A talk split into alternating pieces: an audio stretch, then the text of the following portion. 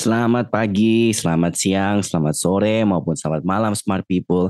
Kembali lagi di podcast kami yaitu podcast Ngobrol Dilit, Ngobrolin Digital Lifestyle. Kali ini sepertinya kita sudah di episode ke-48 dua episode lagi menuju episode 50 dan dalam rangka menuju episode 50 ini kita ada satu member lagi nih yang baru di tongkrongan kita kemarin kita ada uh, Mas Chandra Sugama Mas Chansu yang datang ke dalam tongkrongan kita sekarang kita ada Mbak Firia mungkin aku mau memperkenalkan dulu Mbak Firia ke tongkrongan kita. Halo Mbak. Halo semuanya Halo Mbak, jadi ini uh, uh, Smart People, Mbak Fidia ini adalah salah satu uh, rekan kita di CFDS. Sekarang bergabung di tongkrongan kita dan ke hari ini akan ada aku, Mbak Ines dan Chansu yang akan ngobrolin sepertinya salah satu isu yang cukup menarik ini dan ini adalah well seperti kita apa seperti di episode yang kemarin oh anak baru ya tentu saja yang harus membawa topik baru. Jadi uh, daripada kita basa-basi panjang kali lebar, mending aku langsung oper aja ke Mbak Fidia. Jadi Mbak, kita hari ini akan bahas apa nih? Hai Karin, terima kasih semuanya sudah mengajak aku dalam tongkrongan ini.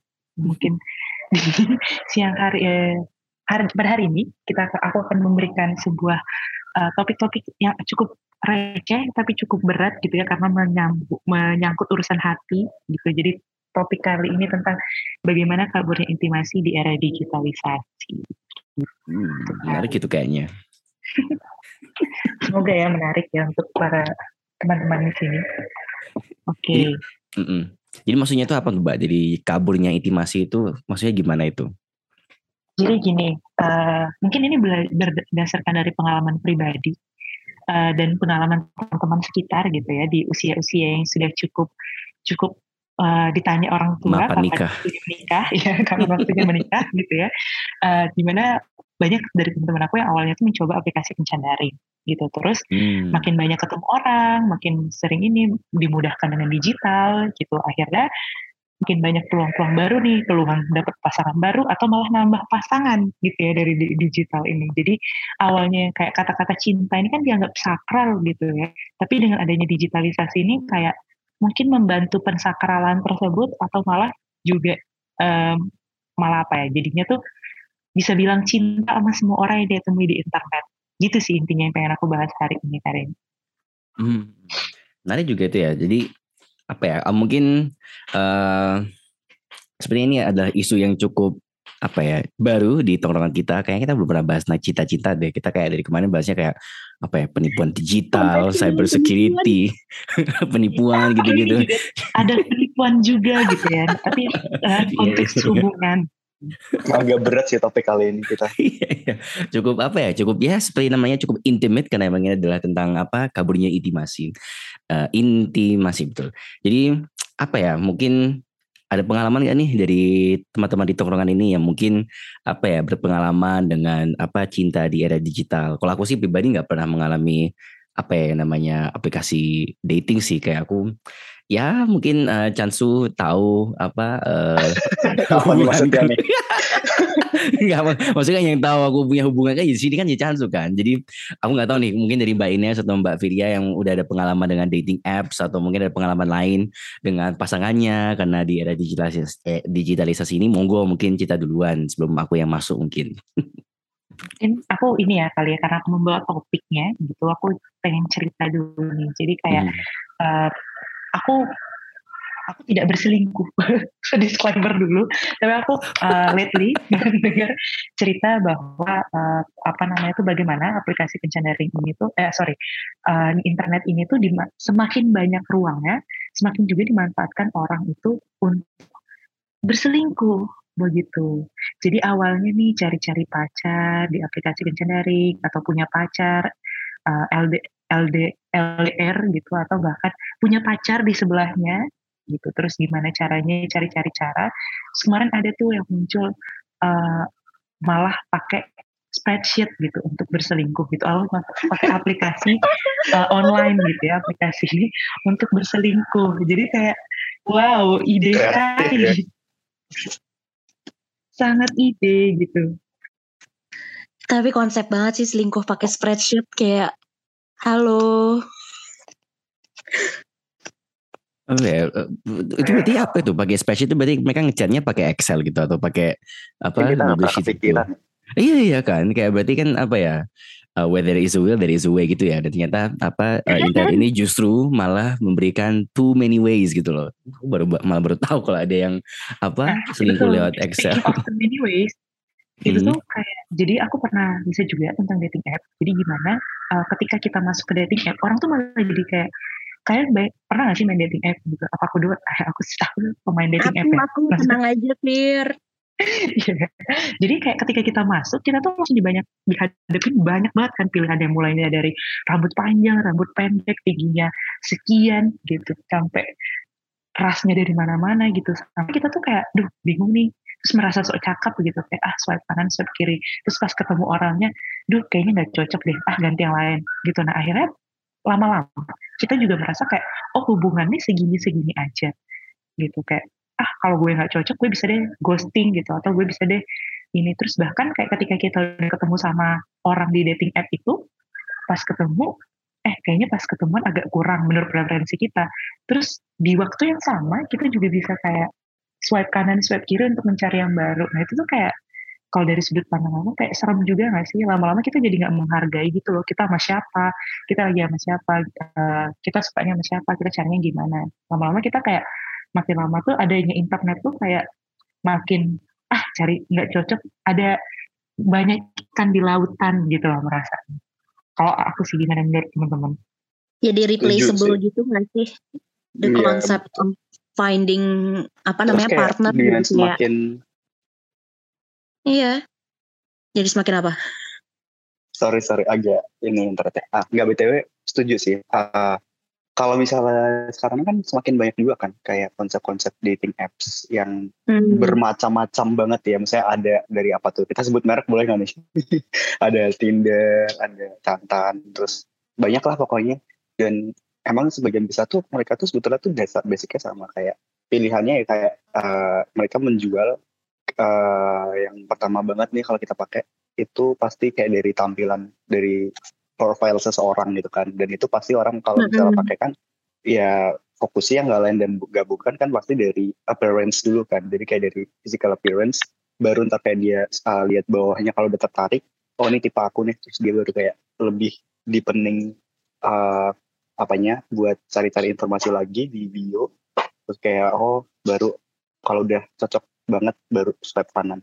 Tapi kan itu nggak menutup kemungkinan buat orang tuh bisa langsung swipe kanan atau kiri uh, based only based on their looks aja gitu loh. Jadi kayak ya kita nggak tahu orangnya gimana tapi ya udahlah yang penting swipe kanan dulu. Ntar uh, ternyata ketika ngobrol ternyata apa yang kita ekspektasiin tuh nggak sesuai sama yang mungkin kayak di image of them di pikiran kita ketika kita ngelihat dari awal itu kan kayak sebetulnya bertolak belakang banget kan sama kayak uh, apa ya kalau dulu kan istilahnya kalau teknologi katanya kan mendekatkan yang jauh gitu kan Ah iya Cuman- iya iya. Nah ini tuh malah kayak menjauhkan yang dekat gitu, menjauhkan yang udah match karena semakin lama kita semakin nyadar, oh ini sebetulnya nggak cocok. Jadi ya intimasinya sendiri kayak makin blurry gitu, semakin uh, adanya dating apps gitu. Iya. Hmm. Bener-bener. Iya, iya sih. Maksudnya kayak double edged sword gak sih dalam bentuk hal ini? Untuk para jombloan dan jomblowati yang nyari aja susah, kayak adanya dating app is like heaven gitu. Tapi untuk tapi membutakan juga dengan potential potential match yang ada di dunia nyata gitu kan. Tapi at the same time ini kan kalau ngomongin konsep dating apps ya. Tapi kalau misalnya bagaimana dengan orang-orang yang kayak karena eranya udah digital kemudian hubungan relationship-nya berubah? Atau kayak menjadi lebih convenient atau menjadi lebih tidak convenient? Misalnya kayak convenient LDR kayak apa dengan adanya video call dan teman-temannya jadi nggak berasa ya nggak berasa hilang banget lah gitu. Atau dengan adanya apa WhatsApp dan Messenger yang mem- membolehkan kita apa ya 24 per 7 gitu loh dihubungin sama orang. Jadi kayak ada certain kewajiban quote to quote. Kalau misalnya lagi pacaran tuh kayak harus chat terus harus tuker-tukeran sosmed yang kayak gitu-gitu. Kayak menurutku itu tuh malah weaponizing intimacy itself di era digital gitu loh. Kayak ini topik tuh multi layered banget ya. Tadi dibilang receh-receh Hmm, tapi ini ada kan, makanya karena karena kayak ya itu dia apa ya kayak dua mata pisau yang namanya internet ya. Tapi balik lagi kalau misalnya kita bahas eh jadi Hmm. kalau misalnya eh,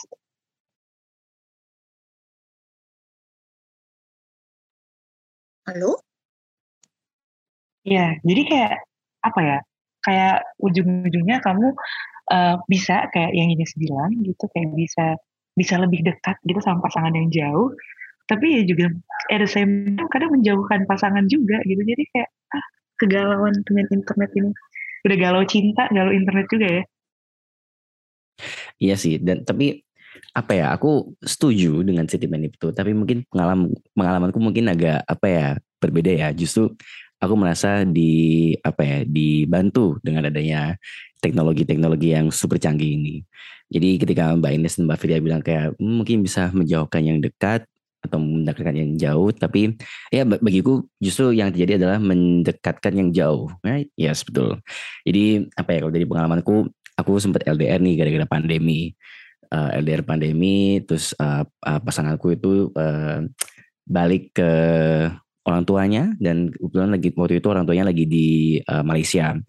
Jadi aku di Jogja, aku nggak pernah pindah ke mana-mana. Terus dia balik ke Jakarta, terus balik ke Malaysia. Jadi kayak ada apa ya, ada waktu yang di mana kita benar-benar eh ya physically kita nggak bisa ketemu tuh loh. Udah beda negara dan itu emang awal-awal pandemi kalau nggak salah itu kayak udah hampir satu setengah tahun aku eh, atau mungkin lebih kayak 500 harian gitu kalau nggak salah malah lebih inget banget sama harinya but anyways itu kayak bener-bener apa ya sangat dibantukan oleh teknologi-teknologi seperti ya video call messaging gitu-gitu dan kayak apa ya Hmm, rasanya sih kayak nggak ada yang berubah sih. Kayak apa ya?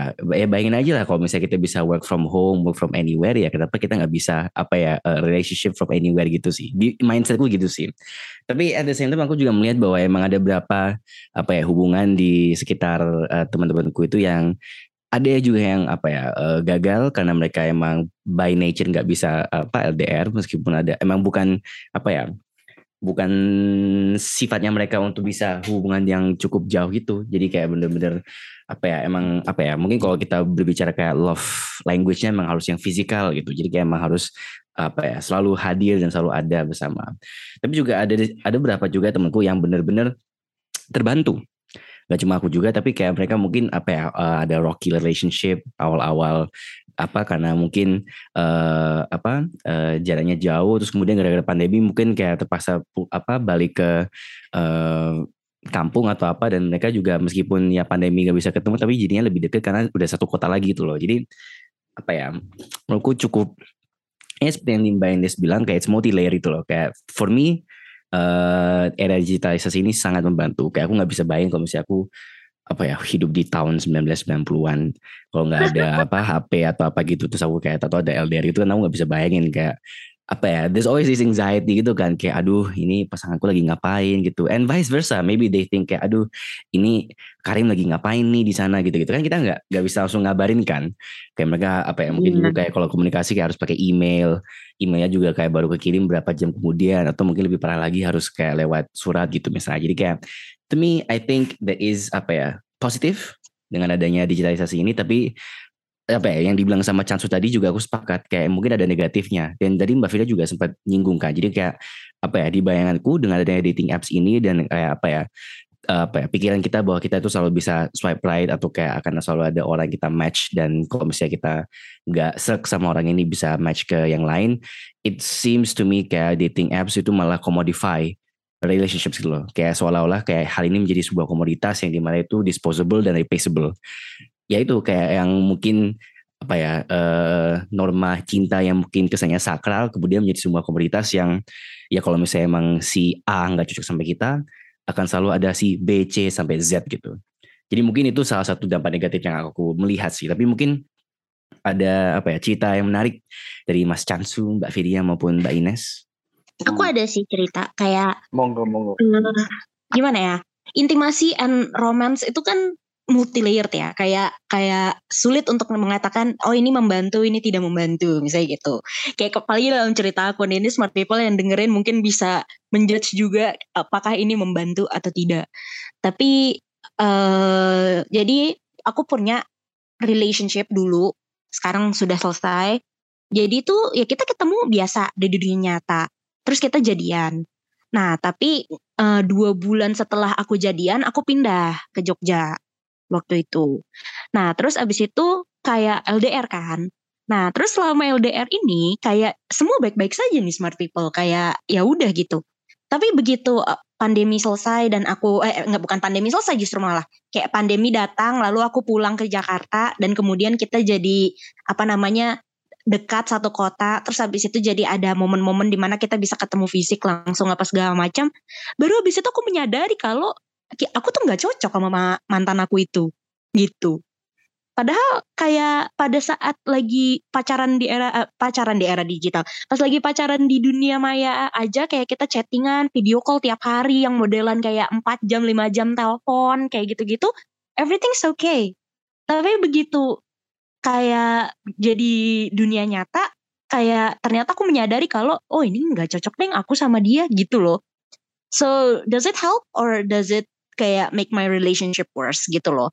Padahal ini konteksnya adalah dunia digital itu kayak mengapa ya kayak kayak meng kayak melicinkan gitu hal-hal yang aku nggak kelihatan kalau misalnya itu terjadi di dunia nyata jadi kayak intimasi kabur ya iya tapi is it for the good or is it for the bad kayak itu bisa didebatkan mm -hmm. lagi gitu gak sih mm -hmm. Iya benar sih dan kayak apa ya itu bisa yes, jadi kayak mereka setuju. ngomong apa tapi kayak kenyataannya apa kita kita nggak tahu kan hmm, karena kita iya. percaya percaya aja yeah, kan sama betul. omongan mereka kayak misalnya mereka kayak oh ini aku lagi di kamar nih lagi tidur nah. tapi tau mereka kayak lagi dugem atau lagi mabuk di mana kan kita nggak hmm, tahu kan exactly. karena karena apa namanya itu kan computer mediated communication. Jadi kayak kita tuh ada delay gitu loh antara kita mau ngomong jadi kita bisa mikir gitu kayak uh, sedangkan kalau kita ketemu face to face itu kan kita mau nggak mau bohong itu pasti kamu ketahuan kan gitu. Nah tapi di sisi lain aku juga mau bahas yang Karin tadi bilang gitu apakah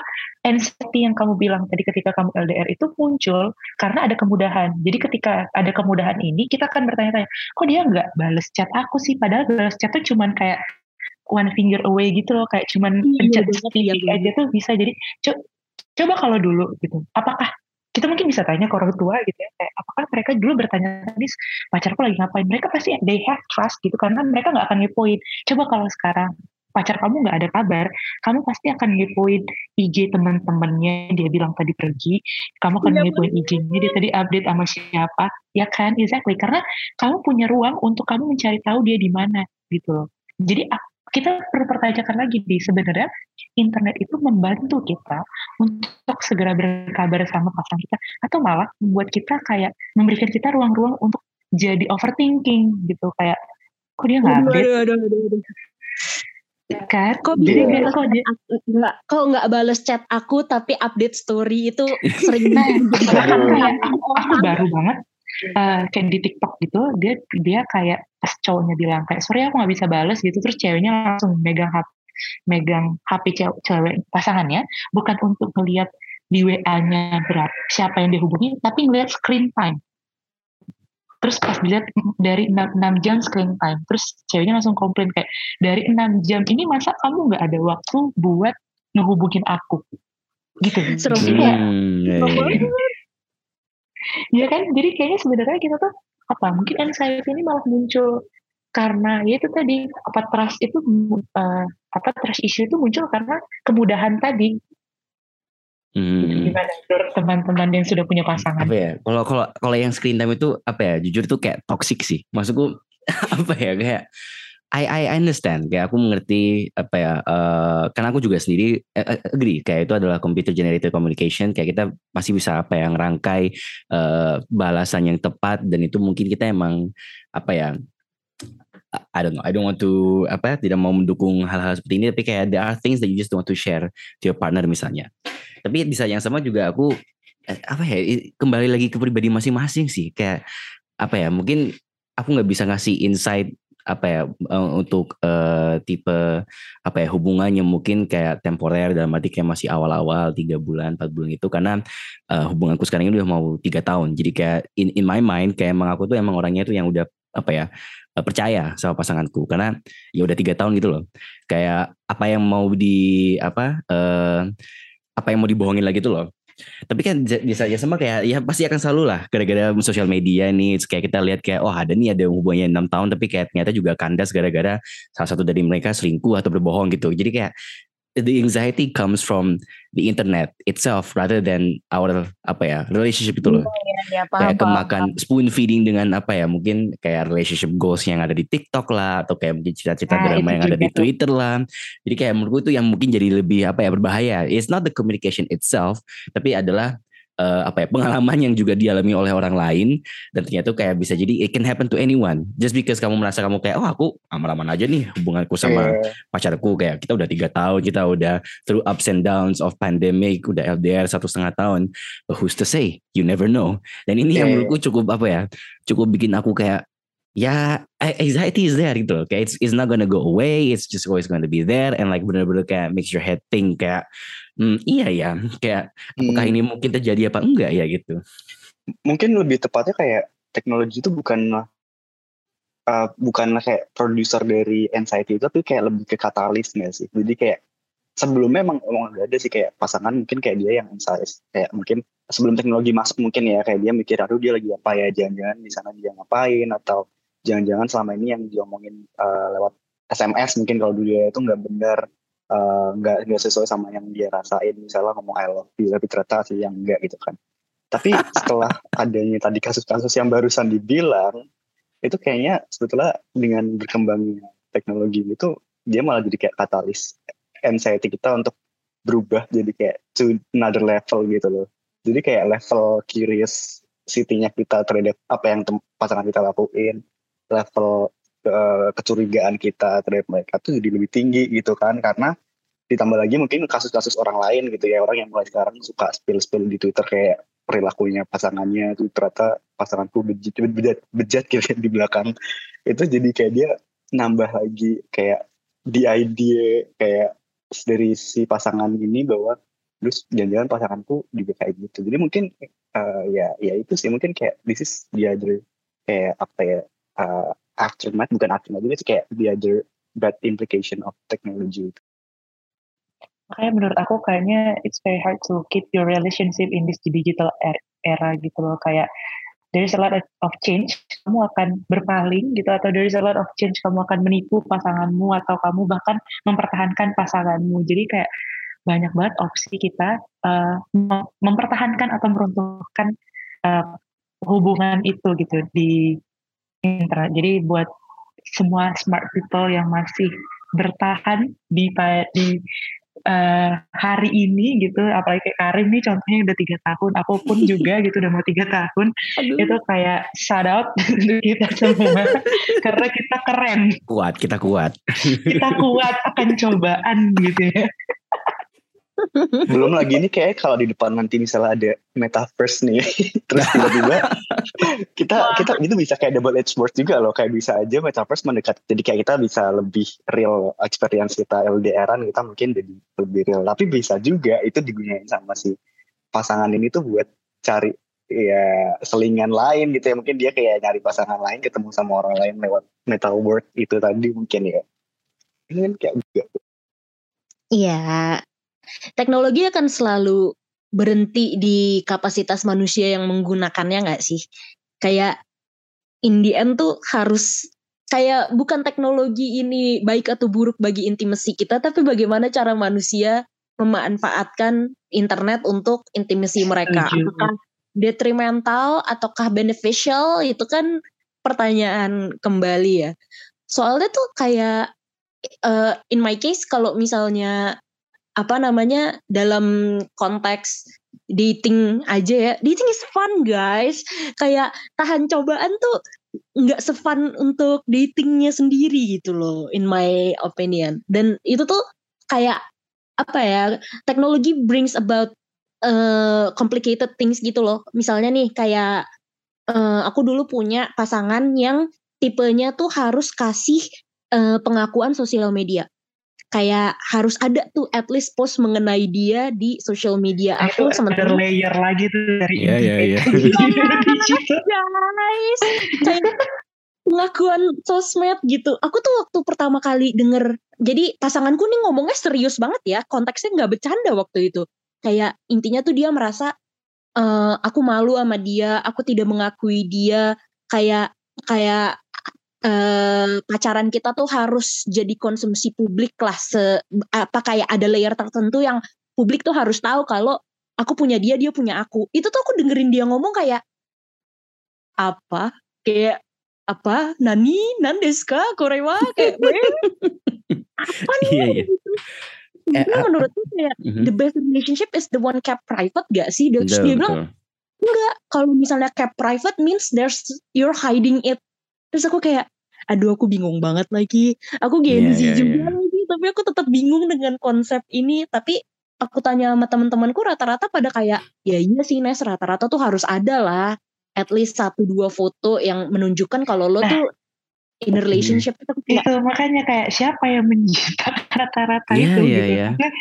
siapa yang harus memaksa kita gitu untuk mempunyai nah tapi di sisi lain kayak ya tadi balik lagi anxiety kalau misalnya kita apa pasang ini nanti kalau kita nggak pasang terus uh, dilihat orang terus nanti eh pacar eh pak istri pacar kita tuh selingkuh nggak ya? Soalnya nggak pacar pasang foto aku tuh di sosmed. Gitu jadi kayak gimana? Jadi harusnya apa gitu? Terus atau sebenarnya mau kita pasang terus apakah dengan kita memasang foto pasangan kita di sosmed itu tuh mencipta benar-benar kayak ya 100% emang orang itu setia pasangannya gitu karena hmm. kita nggak tahu mungkin dia punya second account third account fourth account kita nggak tahu kan jadi kayak ya kayak ya itulah namanya internet hmm. apa ya mungkin kalau aku bisa apa ya melihat dari flow dari percakapan ini kayak sepertinya internet ini justru malah apa ya amplifying insecurities yang dirasakan oleh orang-orang. Yang mungkin kita pikir ini adalah insecurity diri sendiri ternyata kita melihat bahwa ini ternyata adalah insecurity yang sama dirasakan oleh orang lain. Yeah. dan karena itu dirasakan oleh orang lain therefore mereka pikir bahwa ini adalah hal yang normal menjadi sebuah norma gitu. Kalau misalnya dia merasa kayak wah ini pacarku nggak pernah ngepost aku di akunnya dia mungkin dia gak suka nih sama aku. That's like mungkin adalah your own thought. Terus kemudian kamu buka TikTok buka Twitter and then you see the same ideas echo gitu. Jadi kan merasa kayak Aduh Hmm, mungkin Aduh. mungkin ini bukan hanya aku saja yang merasa seperti ini. Apakah ini emang emang mungkin pasangannya yang malu dengan saya ini gitu gitu oh, kan. Jadi kayak spoon feeds. Enggak, enggak, enggak. I'm not talking about myself. Kayak maksudku kayak ini adalah suatu apa ya? Jadi suatu bukti bahwa emang ya again internet internet has always been a double edged sword gitu loh. Dan kemudian apa ya hal-hal yang yang seharusnya yang private, intimate ya yeah, it's gone. Sesuai dengan judul kita ini kayak ini adalah benar-benar ya kaburnya intimasi di era digitalisasi gitu loh. Kita makin apa ya makin uh, doubt ourselves apakah ini relationshipnya emang suatu hal yang berhasil atau enggak kayak kita kan cuma hanya tahu gara-gara uh, ya itu kan yang kita lihat.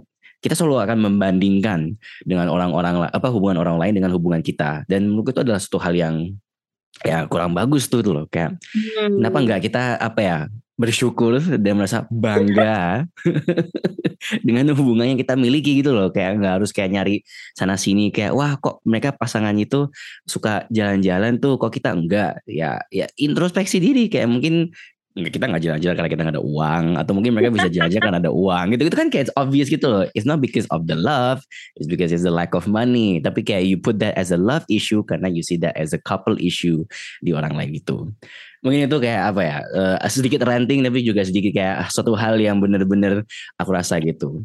Dan dari kita daripada kita kayak apa ya ngalur ngidul sama topik ini mungkin kayak ada satu closing statement lah atau apa gitu dari masing-masing apa uh, lovebirds yang ada di tongkrongan ini. Uh, excluding me kali ya Oke silakan yang pertama yang bukan lovebird.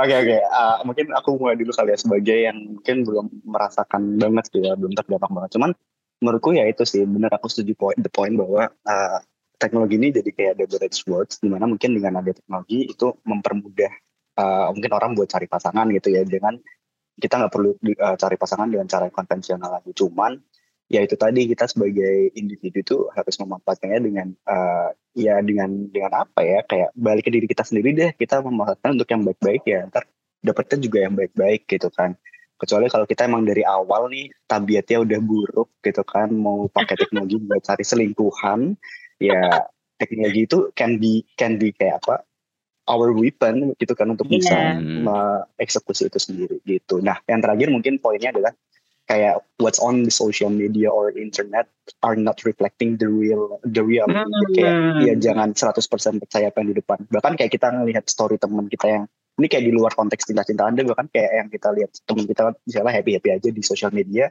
ternyata di kehidupan asli dia nggak kayak gitu. Nah itu kan bisa juga kayak curhat curhat curhat bisa aja orang kalau misalnya ngomong I love you di social media eh, ya itu bisa aja nggak merefleksikan apa yang sebetulnya dia rasakan gitu Agreed, Jadi, don't trust di social media or internet at all Iya. gitu sih Bener-bener bener. Kayak karena aku single juga ya udah aku berikutnya. Em, karena aku udah lumayan tua juga kali ya. Jadi emang internet tuh will always complicate things. Kayak complicate things for the better at- atau for worse ya itu tergantung yang gunain teknologinya. Dalam konteks ini sih aku setuju banget sama tadi kata Chansu kayak ya udah jangan terlalu percaya tapi juga ter- jangan terlalu expose juga sampai kemudian bisa jadi korban penipuan online modus yang cinta kayak gitu-gitu loh. Karena love and in- intimacy is apa ya walking a fine line of uh, private and public gitu loh. Kayak bukan sektor swasta dan sektor publik ya, tapi lebih ke arah kayak sometimes it's good for everyone to know that kalian udah nggak available. Misalnya kayak gitu. Ini kan konteksnya karena aku single. Tapi at same sometimes kayak jangan terlalu expose kemudian merenggangkan hubungan aslinya atau jangan terlalu di keep private sehingga kayak apa pasangan kita merasa tidak dihargai gitu kalau dari aku sih Oke, kalau dari aku sebagai yang membawa kerusuhan ini di tongkrongan ini siang eh saat ini, ya, aku cuma dan sebagai aku tidak aku tidak jomblo pada podcast ini di pick gak tahu ke depannya.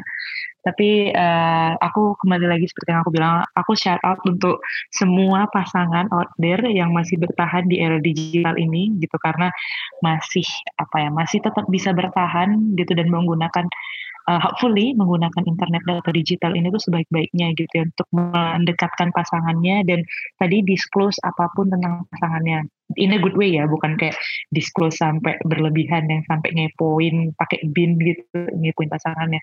Tapi ya ya internet itu punya a lot of change a lot of room gitu untuk kita melakukan sebanyak hal gitu. Jadi bagi pasangan atau lovebird lovebird out there please jangan menggunakan internet ini untuk merusak intimasi kalian tapi gunakanlah internet ini untuk menjaga itu eh, dan menjaga intimasi kalian sebaik-baiknya. Itu jangan dustakan cinta yang sudah kalian bina. Anjay. semangat, semangat, semangat. Mungkin sedikit apa closing statement dari aku. Kayaknya yang lain sudah cukup merangkum apa ya apa yang perlu smart people lakukan. Mungkin satu kata, hmm, satu kalimat ya. Saran dari aku adalah it's fine kalau misalnya kalian mau apa ya eh, mencari-mencari apa apa yang dilakukan oleh pasangan lain atau apa di internet. Tapi kayak jangan gunakan itu sebagai weapon untuk kemudian mempertanyakan hubungan kalian. Tapi gunakanlah sebagai inspiration gitu loh. Kalau misalnya kalian melihat ada orang yang ngede di piknik terus kayak bilang kayak oh kita kenapa sih nggak kayak gini? Don't say that. Rather just say yuk kita piknik yuk kayak gini. It, apa ya the communication is key and like the way you bring it to your partners itu kayak juga juga cukup apa ya eh, bisa menjadi apa ya penentuan apakah itu akan menjatuhkan atau membangun hubungan kalian. Jadi eh, terima kasih smart people. Mungkin apa ya suatu hal yang bisa bisa kita tangkap dari sini adalah ya jangan selalu percaya yang apa ya di internet. Tapi ada satu hal yang bisa teman-teman percaya di internet yaitu di cfds.visipol.ugm.ac.id. Itu semua adalah apa ya kumpulan itu ada website kita yang memiliki semua riset-riset kita mulai dari case studies, mulai dari commentaries. Dan itu semua adalah suatu hal yang tidak berbohong dan akan selalu memberi smart people informasi-informasi yang pasti dan benar. Jadi jangan lupa selalu follow juga di sosial media kita yaitu @cfds_ugm untuk Instagram dan Twitter, untuk Facebook Center for Digital Society. Kita akan selalu update informasi yang akan eh, apa selalu kita update di sosial media dan sebagainya. Jadi itu aja dari kita. Sampai jumpa di episode berikutnya. Uh, Sampai jumpa smart people. Dadah. bye bye